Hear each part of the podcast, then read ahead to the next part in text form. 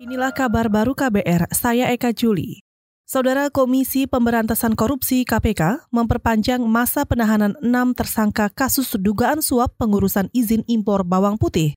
Enam tersangka itu adalah anggota Komisi Perdagangan DPR RI, I. Nyoman Darmantara, dan orang kepercayaannya Mirawati Basri, serta empat tersangka dari pihak swasta. Juru bicara KPK Febri Diansah mengatakan mereka akan ditahan hingga 40 hari ke depan.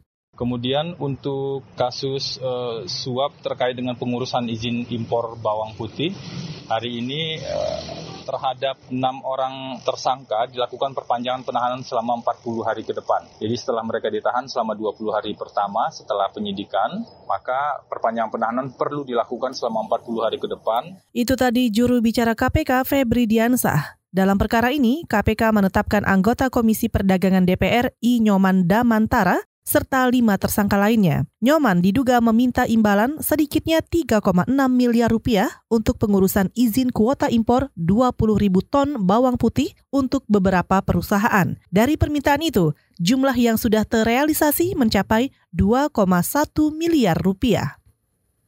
Saudara Menteri Luar Negeri Retno Marsudi menyebut perlindungan TKI dan diskriminasi sawit di negara-negara Eropa menjadi topik perbincangan antara Presiden Joko Widodo dan Raja Malaysia Abdullah Ahmad Shah. Dalam pertemuan di Istana Kepresidenan Bogor kemarin, menurut Retno, Jokowi meminta WNI yang terjerat hukum di Malaysia bisa diberlakukan adil.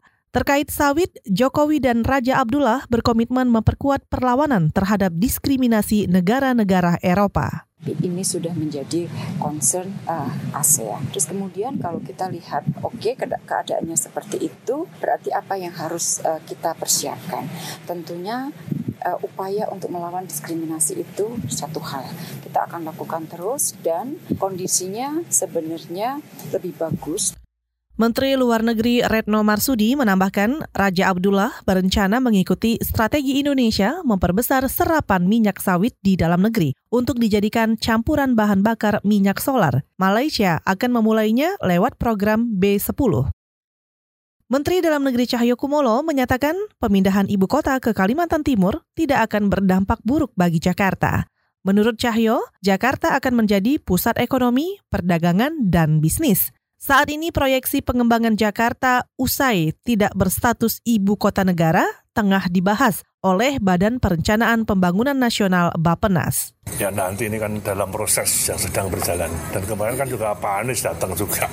Jadi secara prinsip memang nggak ada masalah karena beban Jakarta terlalu berat. Itu tadi Menteri Dalam Negeri Cahyo Kumolo. Presiden Jokowi resmi mengumumkan lokasi pemindahan ibu kota ke Kalimantan Timur tepatnya di sebagian wilayah Kabupaten Penajem Pasar, Pasir Utara dan Kutai Kartanegara. Wilayah itu diklaim memiliki sejumlah keunggulan, seperti minim potensi bencana dan dekat dengan kota berkembang. Direktur LBH Masyarakat Riki Gunawan mengkritik rendahnya komitmen pemerintah dalam menghapus, maksud kami dalam penghapusan pidana mati. Padahal menurut Riki, Hal itu membuat posisi tawar Indonesia lemah di hadapan negara lain ketika berbicara soal perlindungan TKI. Menurutnya, pidana mati seharusnya dihapuskan dari revisi Kitab Undang-Undang Hukum Pidana atau RKUHP jika pemerintah serius ingin menghapus aturan warisan kolonialisme Belanda. Mengapa penghapusan hukuman mati penting? Karena pada saat ini pemerintah Indonesia itu sudah luar biasa berupaya menyelamatkan buruh migran yang terancam hukuman mati di luar negeri. Sangat sayang kalau komitmen itu berstandar ganda. Ketika keluar kita berteriak meminta pemerintah negara lain, Arab Saudi, Malaysia untuk tidak menghukum mati warga negara kita, tapi ternyata di dalam negeri kita menghukum mati.